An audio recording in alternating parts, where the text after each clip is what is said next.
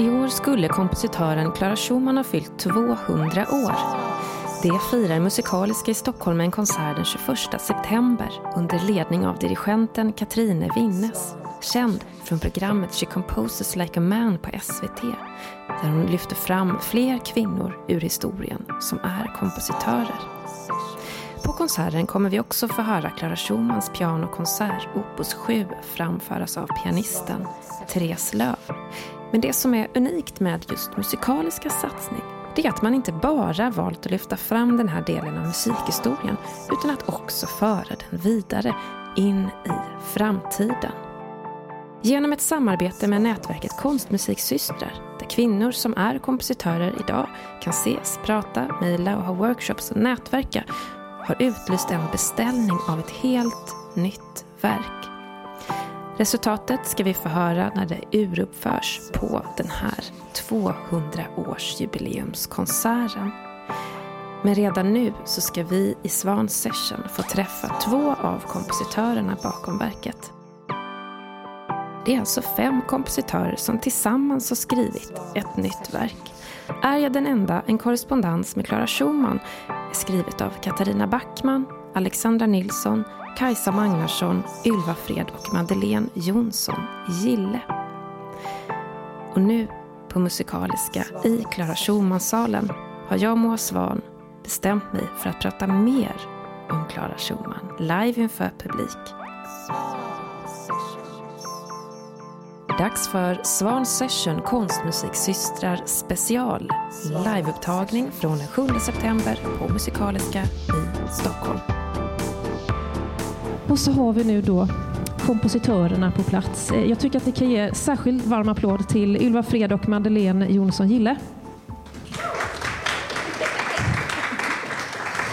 Eh, och så ska vi också få höra ett litet smakprov redan idag av eh, Therese Lööf. En varm applåd till henne. Som är den som kommer att då spela ett äkta Klara Schumann-verk. Ja. Eh, vi pratade lite innan vi började podden här om eh, nervositet. Eh, om man är liksom nervös för att sitta på scen. Och själv har jag varit på scen eh, många gånger men jag är alltid lika nervös eh, innan. Och det känner jag att det, det är nog bara att acceptera att det ingår. Men tänker jag, som kompositör har man ändå valt att aldrig vara på scenen. tänker jag medvetet. Hur känns det att vara här Ylva? Ja, nej men eh, lik förbannat så blir man ju uppdragen hit i alla fall. Planen funkar inte så bra. Ja. Nej, nej, men, eh, nej men precis. Jag eh, brukar lite skämtsamt säga att jag valde att komponera så jag slipper stå på scen så att säga. Men det är klart, det hör ju till även lite att man går fram och kanske pratar lite om sin musik och liksom allt det här. Så det, det, det är kul. Det är lite nervigt, men det är roligt. Ja, ja man älskar ju att vara på scen, säger jag då. Eh, men vi har en väldigt varm och fin, snäll publik här, eller hur? Som kommer stötta och ja, eh, vara var med oss hela vägen. Eh, jag tänkte vi skulle börja med det här verket som ni har gjort. Nu är ni två kompositörer här, men ni är i själva verket fem kompositörer som har då gjort ett verk ihop. Vill ni berätta lite om det? Hur vanligt är det att man är flera upphovspersoner på det här sättet? Det är ganska ovanligt. Eh, och för min del så har eh, jag faktiskt nog aldrig varit med om det. Eh, det skedde en utlysning, jag tror det var i våras, måste det ha varit va? Eh, om att det skulle skrivas ett verk i eh, Clara Schumanns ära. Och eh, då fick man ansöka helt enkelt om att få vara med och då blev jag eh, utplockad, Ylva, likaså Kajsa Magnarsson, eh, Katarina Backman och Alexandra Nilsson. Så vi fem var det. Hur har ni gått tillväga då när ni har satt igång? Ni, ni har, eh, uppdraget var ändå klart från början att det skulle vara inspirerat av Klara Schumann och eh, hennes korrespondens, som jag förstod det. Vill ni berätta mer om hur liksom hennes ande har vilat över det här projektet? Ja, eh, jo men hon har ju verkligen genomsyrat hela processen. Eh, och vi har först och främst har vi ju träffats väldigt mycket vi fem och med Anna eh, från Konstmusiksystrar. Att, att vi har träffats och pratat om Clara Schumann, eh, lyssnat på hennes musik naturligtvis, diskuterat vad som väcks eh, eh, och fantiserat väldigt mycket kring hur hon måste ha haft det och vilket liv som hon levde och vem hade hon varit idag? Eh, hade hon varit med i Konstmusiksystrar idag om hon hade liksom, eh, levt idag? Och, eh, så hon har verkligen genomsyrat hela, hela processen och liksom en liknande känsla och inställning till ehm, och kanske också särskilt eh, eh, det verket, alltså hennes pianokonsert i A-moll. Det var ett verk som vi valde att cirkulera vårt, vårt verk eh, kring. Ehm, så att då var vi ganska, vad ska jag säga, vi var modiga nog att eh, sno och låna olika små bitar, vilket var jättekul. Vi har liksom delat väldigt eh, mycket musikaliskt material, både med liksom Klara och mellan oss själva, vilket också varit eh, väldigt eh, nytt, skulle jag säga.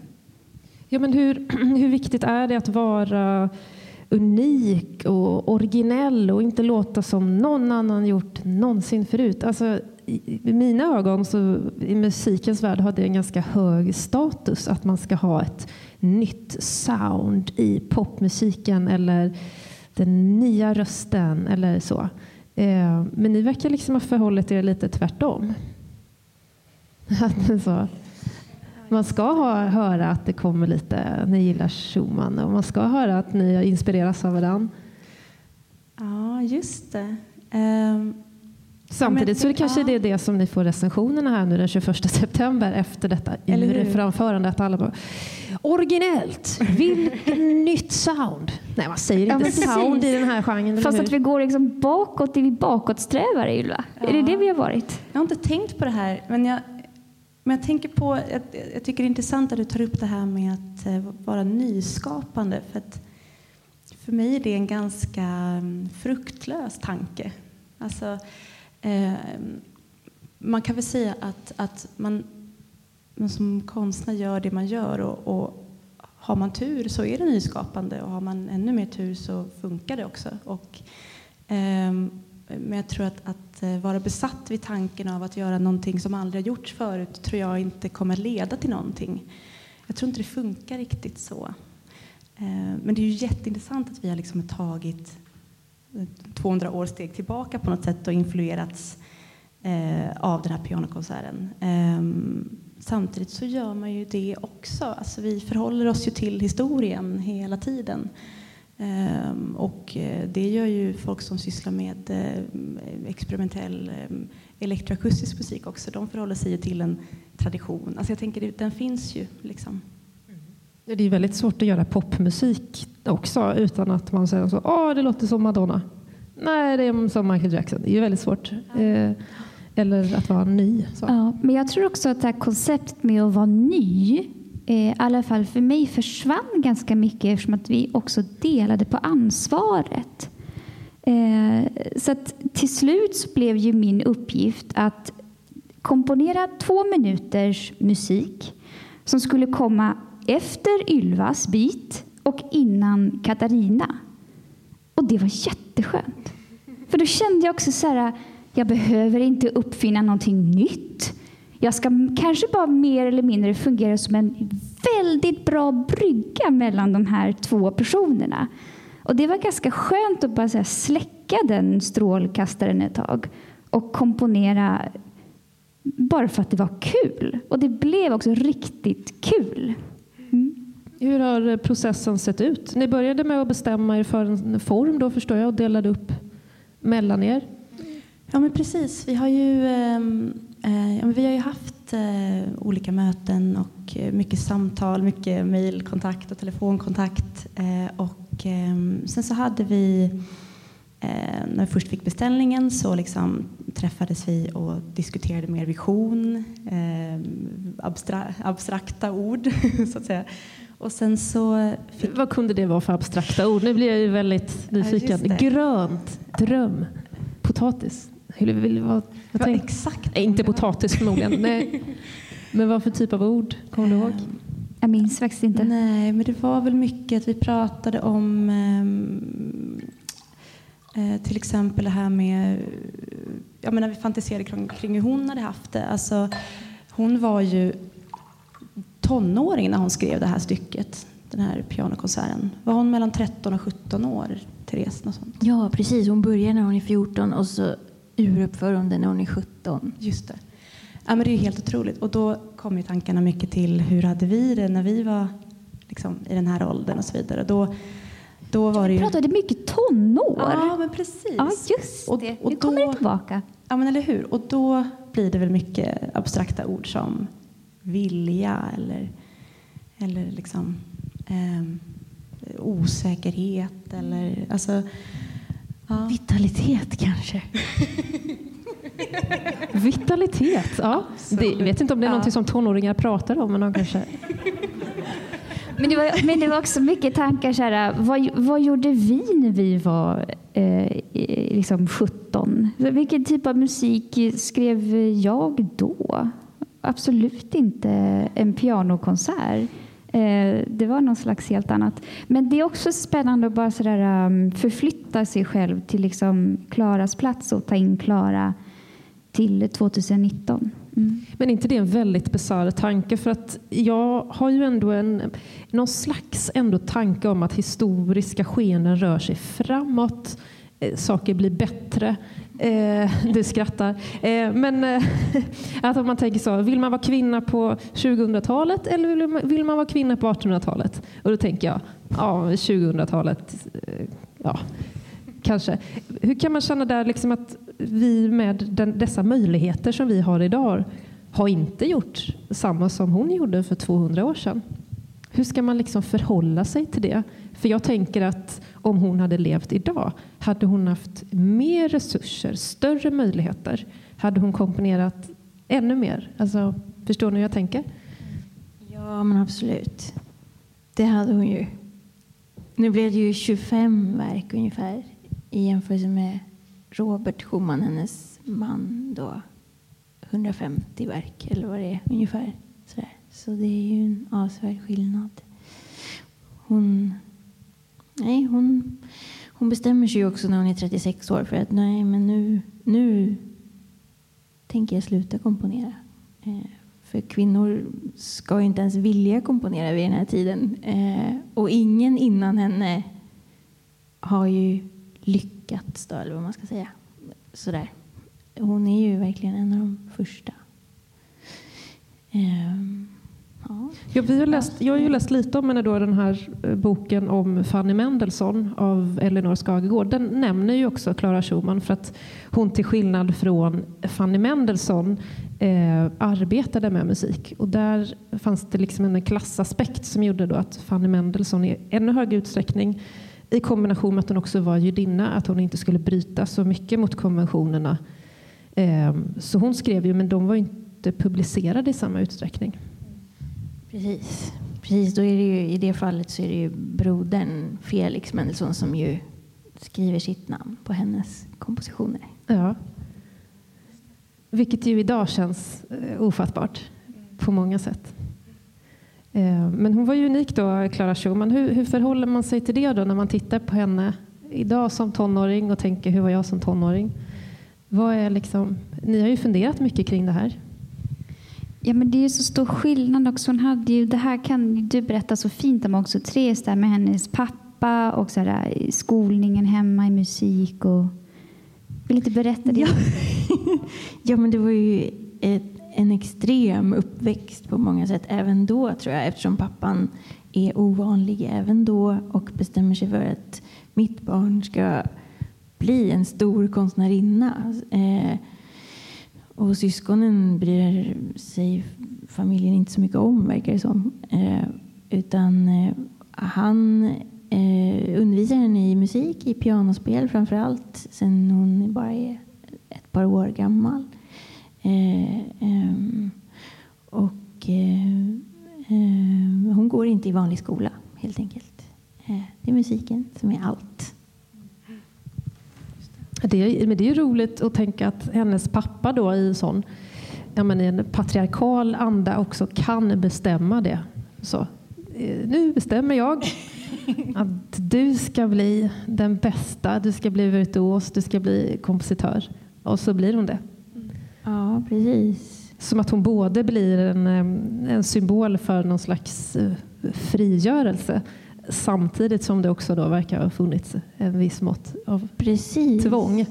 Ja. Exakt, och hur hon genom hela livet har det där otroligt starka bandet till honom då förstås, som ju är komplicerat på många sätt. Eh, men ändå också vågar gå emot honom just när hon möter Robert Schumann. Eh, som också var kompositör. Ja, visst. Det är inte alla som känner till det. Nej, precis. eh, och han var ju äldre då, nio år äldre än hon. Eh, men i alla fall, de, de, får ju omedelbart ett starkt band till varandra vid första mötet. Och när de senare bestämmer sig för att de vill gifta sig så får de ju inte det för pappan då. Eh, men hon, hon går ju emot det och blandar in advokater och domstol. Och, och så, så det blir ju så att pappan måste vika sig. Ja, tonåringen växer upp och gör som den vill. Men jag tänkte bara på det här om man liksom eh, jämför ett annat, det som vi kallar för liksom underbarn som också blir drillade. Som vi tar liksom den största symbolen för klassisk musik, alltså Mozart till exempel. Som, eh, jag menar, när man jämför Clara Schumann med liksom Mozart och vilket avtryck de har gjort i historien och vilket väldigt mycket större avtryck som Mozart har gjort då. För att han liksom ändå, nu blev inte han så gammal, man kunde ändå hålla på på ett helt annat sätt än vad Klara kunde göra. Men båda hade liksom föräldrar som drillade dem, båda skrev otroligt avancerad musik för sin ålder. Um, och, ja, det var en väldigt spännande så här, tanke med att vad hade hänt om, om Clara Schumann hade haft de här förutsättningarna att kunna fortsätta att blomstra. Liksom. Ja, för också så här, längs med det här hennes eh, men, karriären då som konsertpianist så blev hon ju också mamma till var åtta barn. Ja, precis. Ja. Mm. Och liksom, tänk på tanken på det, att vara ute på turné och väldigt ofta gravid samtidigt och vara den som liksom drar in storkovan till familjen. Alltså det, ja. ja. Häst och vagn runt Europa. Men alltså jag undrar, skulle vi kunna få lyssna på en del av det stycket? För du kommer ju, Therese, att framföra ett, eh, ett verk av Schumann på ja, den 21 september. Men vi skulle kunna få lyssna på ett smakprov. Så hur många här har hört någonting av Clara Schumann innan? Applådera. Mm. några stycken. För några av oss kanske det är det första vi hör. Ja. Förlåt, vad sa du? För några av oss så kanske ja, detta är det precis. första vi hör någonsin av ja, denna det. kvinna. Ja, nej men, eh, då kan jag till exempel ta en bit ur den här pianokonserten då, och då, är, då blir det ju inte helheten egentligen eftersom orkesterstämmorna inte är med. Men eh, eh, det som är speciellt med den här konserten är att den mellansatsen, det är tre satser, så mellansatsen den består bara av pianostämma och en, en, en cello, en, en violoncell. Ehm, och det känner i alla fall inte jag till någon annan pianokonsert som är uppbyggd så att, att eh, en sats bara är piano och ett, ett till instrument. Men så gjorde hon. Hon var väldigt fantasifull och eh, eh, vågad. Så det som jag spelar nu då är en bit eh, ur eh, den andra satsen. Ehm, Eh, Precis. Mm. Får man applådera före och efter? Eh, ja, absolut. Ja. Jag tänker det är sådana regler ja. när man lyssnar på sån här seriös musik, att det är helt tyst och man bara... Nej, vi applåderar inte. Ja, jo, gör det. Det är jättetrevligt. Men inte, inte stoja mitt i. Woo! Eh, det, där, där drar vi gränsen. Men man får applådera ja, före och efter. Ja, en varm applåd till Therese Löf.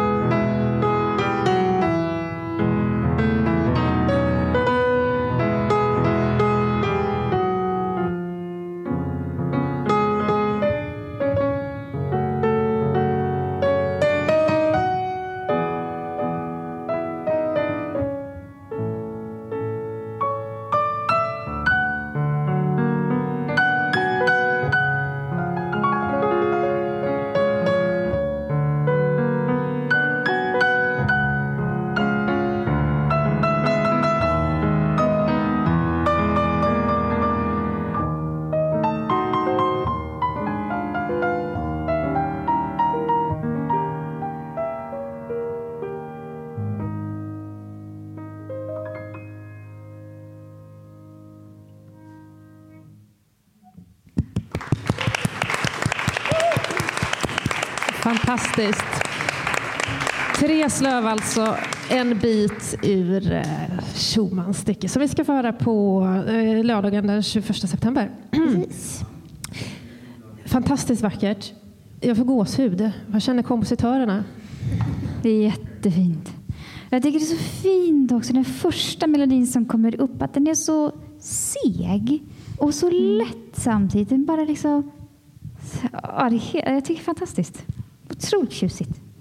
Ja, jag håller med. Och det är verkligen i sammanhanget med resten av eh, den här konserten så blir det här avsnittet verkligen ännu starkare. Alltså, det blir det som du beskriver. Och man verkligen, ja, så rekommendation är verkligen att lyssna på hela. Ja. Och efter det jag slutade nu, då kommer ju violoncellen in också. Så då blir ju allting bara ännu bättre. Ja, stråkinstrument gillar man ju. Jag har ju spelat fiol en gång i tiden, men det är så himla svårt med klassisk musik eh, för att man ska ju vara så råduktig för att det ska vara okej. Okay. Jag vet inte om ni känner igen det här, men väldigt, hur många av er har spelat i kulturskolan som barn? Eller, ja, några stycken och gett upp då. Ja. Därför att ett tag inser man att för att det ska låta ja, men så där vackert som det lät nu, att man bara... Alltså det, som man kämpar. Jag tror att jag höll på i tio år innan jag bara, okej, okay, men nu tror jag att jag förstår instrumentet. Och då ska man börja skapa musik. Eh, det är ju väldigt svårt. Det är så, ja. Nej, men jag tycker just pop och punk och sådär. Ta en gitarr, tre ackord bara. Mä, mä, mä. Alltså det är en annan nivå. Samtidigt som som kvinna såklart så är det ju svårt att slå sig in egentligen i alla områden som har med offentlighet att göra. Så att jag ska inte säga att det är lätt, men alltså det är ju som en helt annan nivå av musik och instrument. Så är det ju. Jo, men det är ju det är lite komplexare musik. Det är det ju på många sätt. Men samtidigt så parades det väldigt bra med väldigt simpla filmer. Det kan jag tycka är väldigt fascinerande. Som att man nu kan se då Harry Potter visas och med originalmusik. Och jag tänker att Harry Potter är ju inte det mest avancerade som filmhistorien har att bjuda på. Men det är ändå, har man ändå brytt sig om att skapa musik. Eller Star Wars har ju också liksom den här musiken. Mm. Eh, jag tänkte fråga er, eh, just det här att man liksom får lyssna på kvinnors musik från förr. Alltså vad betyder det för er att ha den här tillgången? Blir ni mer peppade, inspirerade?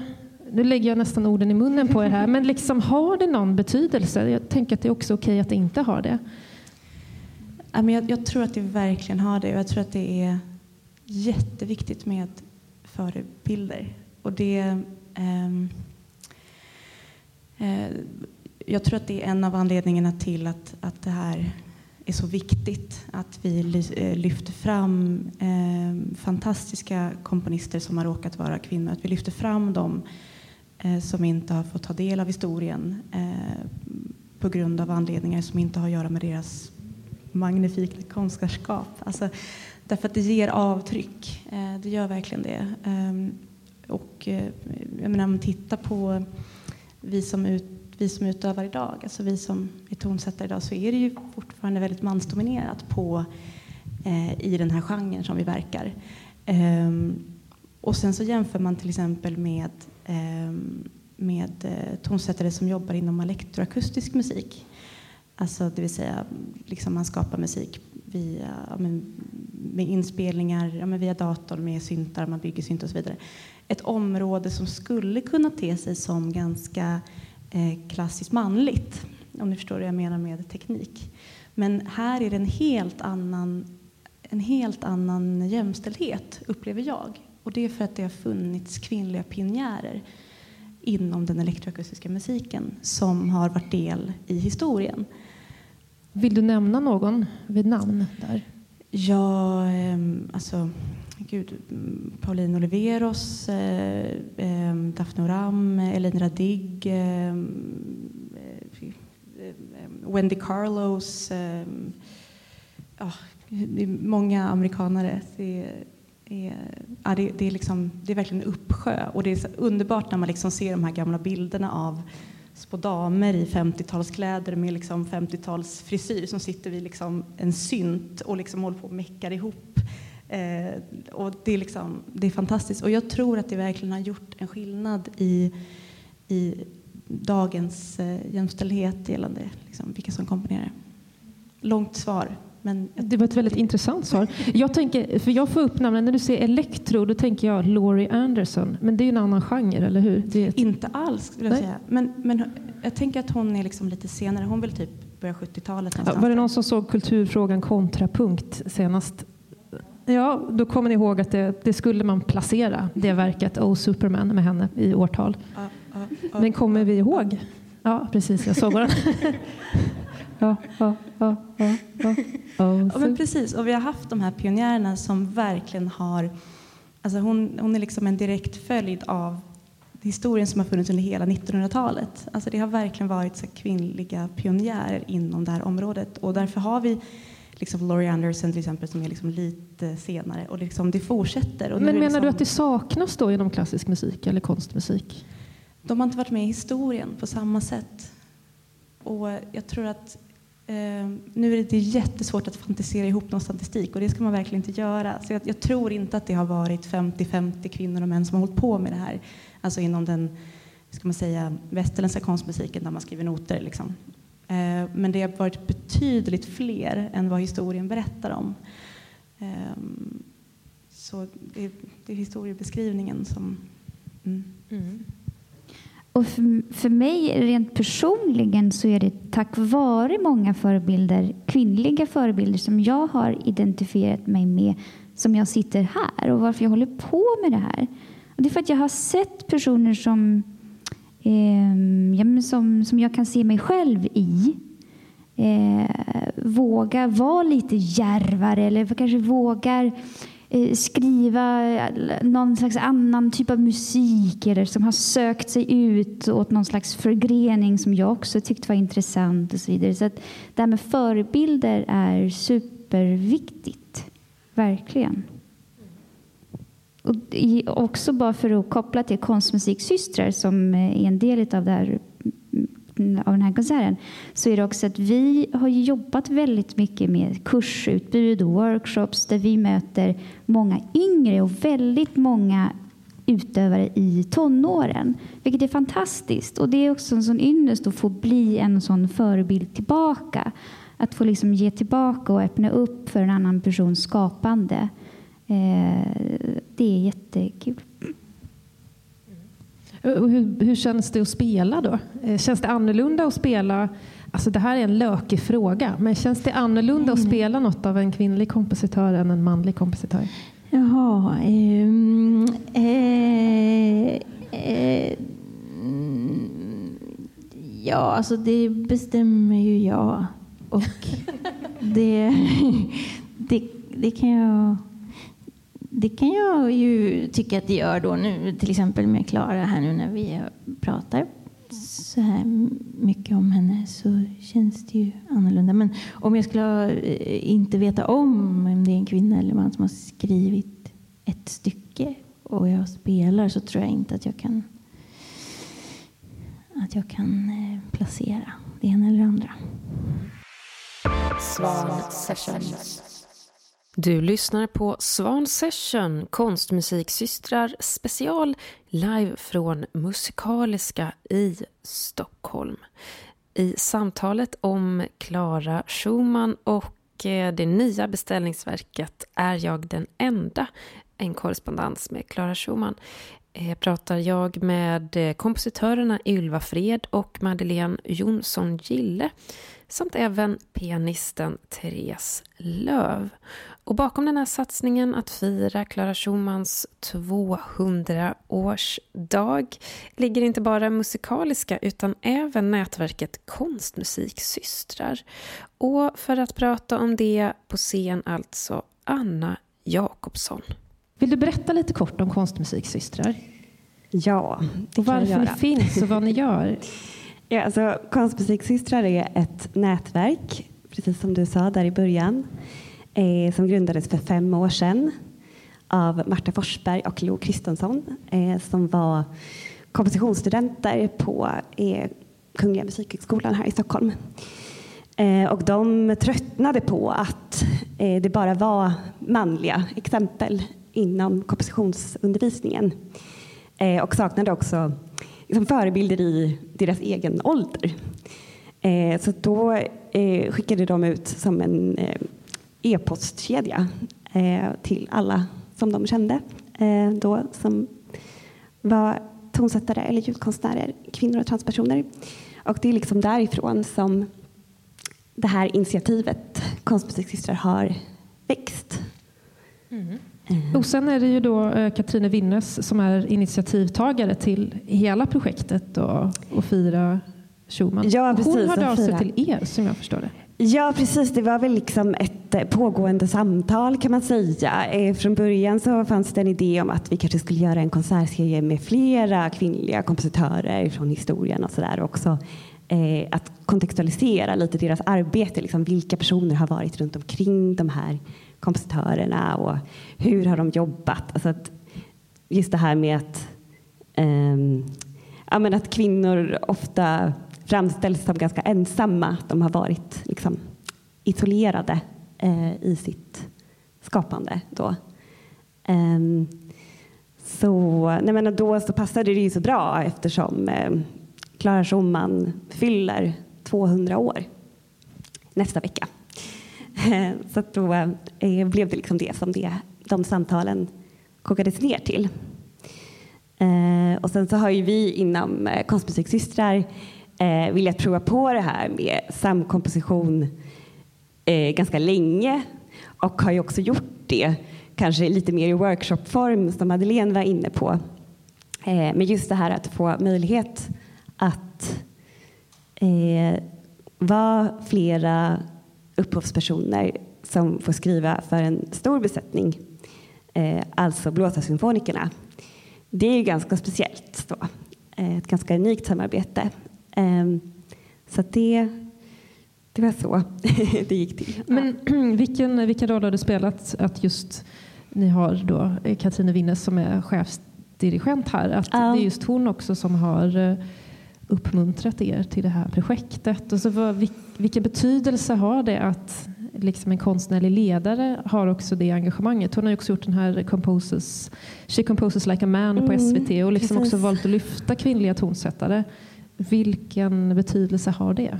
Nej, men det har en jättestor betydelse. Eh, att eh, hon som... Ja, men dels att hon är konstnärlig ledare här men också är en dirigent som liksom öppet har ett engagemang för att lyfta fram kvinnliga förebilder och som, eh, som gör det aktivt både liksom genom public service, SVT, liksom går ut och frontar. Men också i, i praktiken, då, liksom i både hur man lägger repertoar men också att man vågar pröva ett sånt här liksom ett nyskapande Um, eller sa du så här, nyskapande? Inget ska vara nyskapande. jag vill säkert inte säga nyskapande. Och, eh, men men ändå vad man säga, ett sånt djärvt grepp. Då. um, djärvt är bra Djärvt grepp, ja. uh, att, att det uh, betyder ju väldigt mycket. Uh, och ja, men just det där man kan ju tänka att det är en ganska lätt sak. Liksom att ja, men man går ihop och så gör man lite och så pratar man lite och sen är det klart. Um, men när man som kompositör liksom är van vid att sitta väldigt mycket själv och bestämma allting själv och det finns ju också en ganska tydlig hierarki där, eh, liksom vad man har för mandat att säga till om liksom, som kompositör och dirigent och orkestermusiker. Eh, då är det ganska radikalt kan man säga i ett sådant sammanhang. Ja. Mm. Jag tycker det är superhäftigt. Eh, och jag har ju frågat er såklart om ni tycker att det spelar någon roll. Men jag tycker också det är så häftigt med, eh, med musik, att den liksom får historien att komma till liv. Att, jag vet inte, det måste varit jätteannorlunda att leva för 200 år sedan. Men musiken är ju alltså så mänsklig. Det är känslor, eh, man känner sig ledsen, glad rörd. Det är ju så häftigt att ha de här liksom, bryggorna över tid. Så jag tycker också att det är super coolt att man också kan få lov att, att känna sig jag vet inte, sammanlänkad med kvinnor från 200 år tillbaka. Och att mm. man liksom inte bara får eh, känna som Mozart gjorde eller Brahms eller så, utan att man också får relatera till ja, någon som absolut inte är som mig i alla fall, för jag är inte virtuos på någonting. Men, men ändå liksom, att vissa saker är så himla samma. Och med, med det så skulle jag faktiskt vilja fråga ifall vi får lyssna på en bit till. Jag tyckte det var jättehärligt. Ja, men absolut. Har du något mer som du skulle kunna? Något mer som är samma alltid. Vi ser ju också kärleken. Den är ju liksom viktigast hela tiden med allt. Och musiken uttrycker ju den så bra, bortom orden. Eh, och då, det finns ett parti i konserten. Överhuvudtaget så är det så underbart att spela romantisk musik från den här tidsperioden. För det, det är det är liksom härligt att få gräva ner sig i tangenterna. Det är liksom som att man får, man får bre ut sig på ett speciellt sätt i romantisk musik som känns väldigt passionerat. och det är alltid skönt att få göra det. Om man jämför med Mozart till exempel där man ofta kan känna att man går lite grann på äggskal så här, med fingrarna. I värsta fall. Sen kan det vara underbart också. Men... Tänker man att Mozart inte varit kär då? Nej, gud, det får ju inte betyda det. Precis. Eller att han var väldigt blyg. Äh, jag tycker du är fin, hej då. Medan Klara då var mer, du är fantastisk, du är bäst jag vet, kom och känn på mig. Nej, men det var väl olika epoker, alltså att det ja. hör ju väldigt mycket ihop med den liksom romantiska ja, epoken. Precis. Och man, det är olika man, stilar att förhålla precis. sig till helt enkelt. Ja. Ett kunnigt svar. Ja. men, eh, men då blir det återigen, då, det här är väldigt fragmentariskt, ett parti ur första satsen. Ganska kort parti som jag upplever så här passionerat då, som jag kan spela lite. Och sen så har jag ett annat parti som jag kan avsluta med som är otroligt maffigt och eh, eh pampigt som är slutet av första satsen. Men sen kommer ju orkestern in efter det så, så man kan sakna någonting precis när jag har slutat spela. Men två små olika fragment av Klaras musik blir det nu då. Återigen en varm applåd, Therese Löv. Swan Sessions.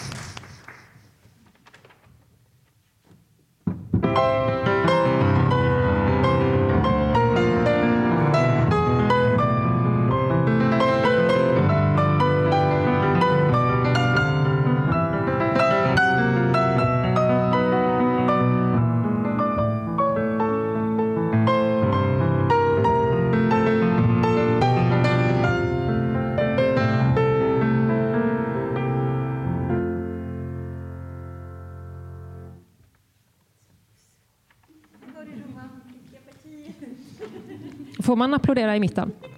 Ja, man får det. Okej. Okay.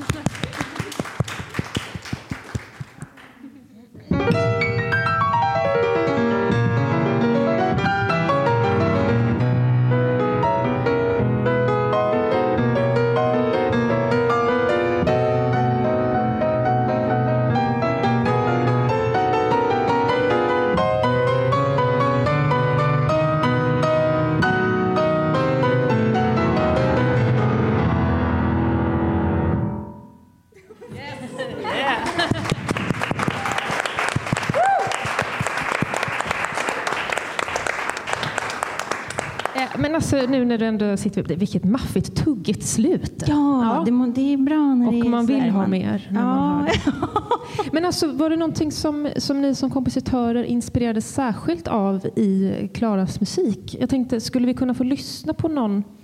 Ja, just det. Det var några olika Kan vi inte ta den där bryggan då?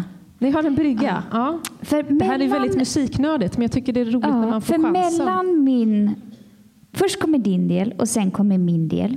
Och däremellan så har vi lånat från Klara ett par ackord som du sen har instrumenterat ut till and. Vilka instrument var det du valde? Eh, jo, men först, eh, det som jag gör är att jag, jag har tagit de här ackorden och sen har jag liksom smugit in dem i orkestern. Eh, ja. Och sen, sen, så, eh, sen avslutar jag med ett direkt citat. Eh, men istället för då piano så ligger det vibrafon. Så det är liksom ett supercitat. Och sen tar du vid och gör på andra sätt. Hur gör du då? Med de ackorden, tänker jag. Men de lämnar jag där. Sen rör inte jag dem. För det som jag tar från klarelsen, det är vad timpanin gör. Just. Men det kan vi inte höra just nu, men jag lämnar de ackorden. Det är bara bryggan mellan dig och mig, Ylva. Ja, just mm. Men vänta lite, timpani, är det det som Katrine Winnes på norska kallar för tam-tam? Nej, Nej, det, är inte olika. det. Nej. Det är inte det. För jag intervjuade henne, hon liksom var så här, det är tam-tam, och så var det som att jag undrade vad var det vi pratade om där egentligen? Ja, just tam, vi, har ju, vi har ju tamtams har vi med i låten också. Och okay. det är typ som stora gångar kan man säga. Just det, och då är det samma på norska och svenska? Ja, det, det får man hoppas. Ja. Mm, fast hon säger tam-tam. Ja, just det, precis. Men ska vi få lyssna på den här ackorddelen då som ni var så förtjusta i och inspirerats av? Ja, just det, du hade trioler också. Ja, just det. Ja, men vi, tar, vi tar de här eh, fina ackorden nu då. Ja, så kan vi.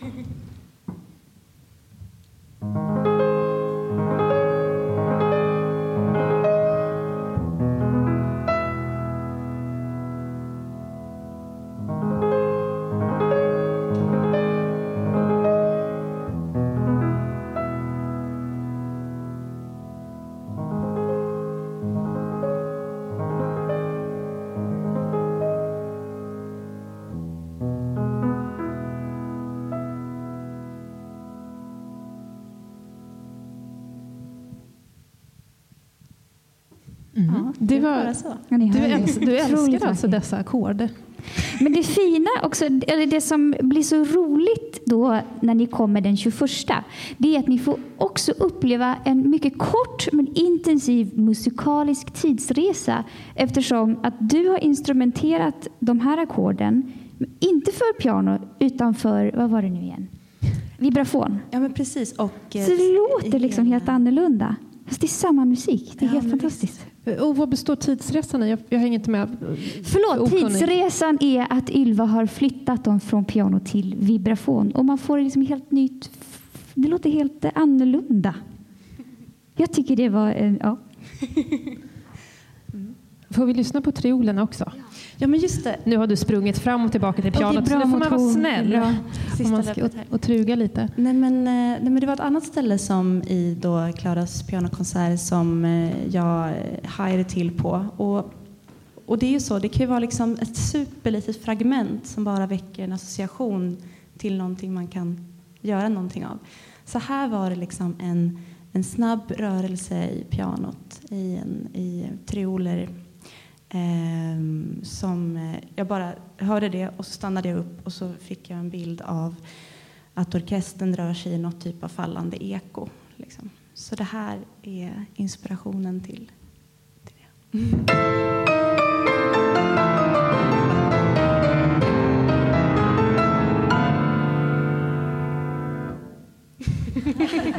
ja, det är underbart, tack. Och det blev liksom två och en halv minuts musik. Okej. Okay. Mm. Hur många takter är det där? Det var nog fyra ungefär. Fyra, okej. Okay. Ja. ja. som rasslade iväg. Jag vet inte riktigt. Jag har ju bara lärt mig trioler på kulturskolan så jag har ju bara här klapp, tam, tam, tam. Alltså, och att man fick skäll av sin orkesterledare. Skärp er! Ja. Men det där är alltså trioler. Ja. Så kan de så kan de låta.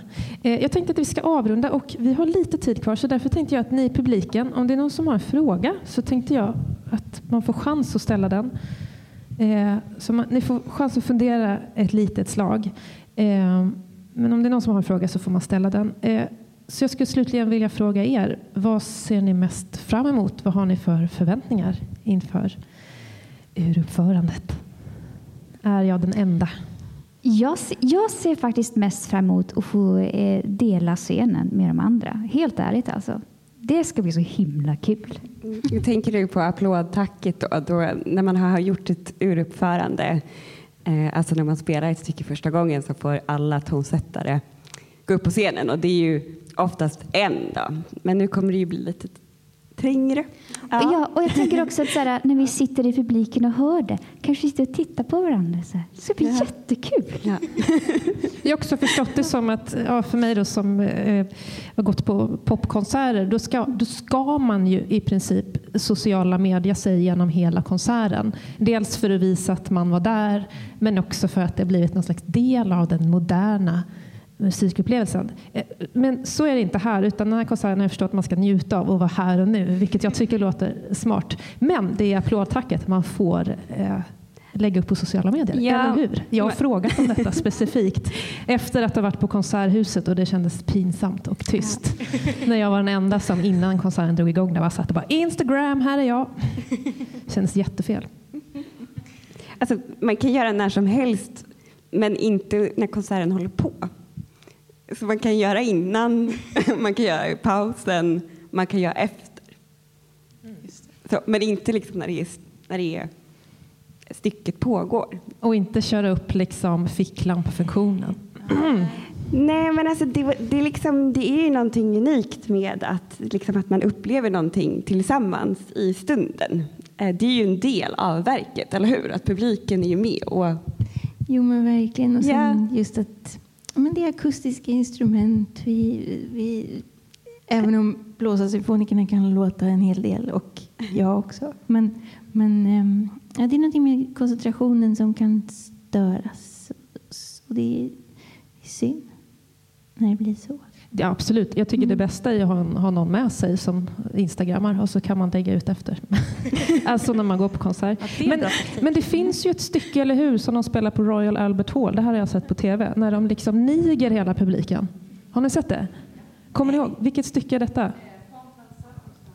Ah, Pomp and Circumstance. Och det är, del, är det del av stycket? Den är interaktiv? Liksom. Ja.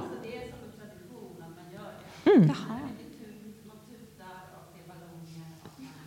Och en del, många har också typ frack i publiken också, så det ser väldigt lustigt ut. Speciella traditioner. Om ni skulle vilja ha en ny tradition, eh, detta får man då alltså inte testa, men om ni skulle liksom fantisera, vad skulle ni vilja ha om ni hade någon typ av interaktion med publiken där man är tillsammans? Vad skulle man göra då? Mm. Får, alla, alla får en kram. Ja. Det kan vi få ändå. Ja, men sen så den här 1800-talstraditionen, eh, att man kastar blommor på scen. Ja, den är ju ganska nice. Ja. Det är väldigt festligt. Mm. Vi kommer ha väldigt mycket blommor på scen också i Klara Schumans anda. Underbart. Ja. Jag, jag läste idag att Klara och Robert eh, tyckte mycket om blommor och att mm. hon när han var på mentalsjukhuset då, två år innan han går bort så eh, samlar hon en blomma för varje konsert och torkar. Och de, de blommorna finns kvar i en bok, att de ligger ja, så här pressade och torkar för de skulle han få när han kom tillbaks från sjukhuset. Mm. Vilket han aldrig gjorde. Men blommorna finns kvar. Ja. Ja, det var ju väldigt stämningsfullt, så det känns synd att gå vidare på detta. Har vi någon fråga? Nej, vi hade inte fråga. Då skulle jag vilja tacka er. Nej, vi hade en fråga.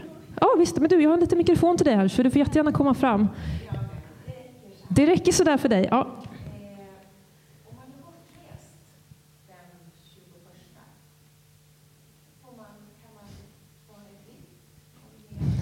Okej, så att om man missar den 21 september, ja, det är ingen som kommer instagramma den till det, det har vi redan rätt ut. Men kommer man få fler chanser att lyssna på verket framföras? Kommer den spelas in?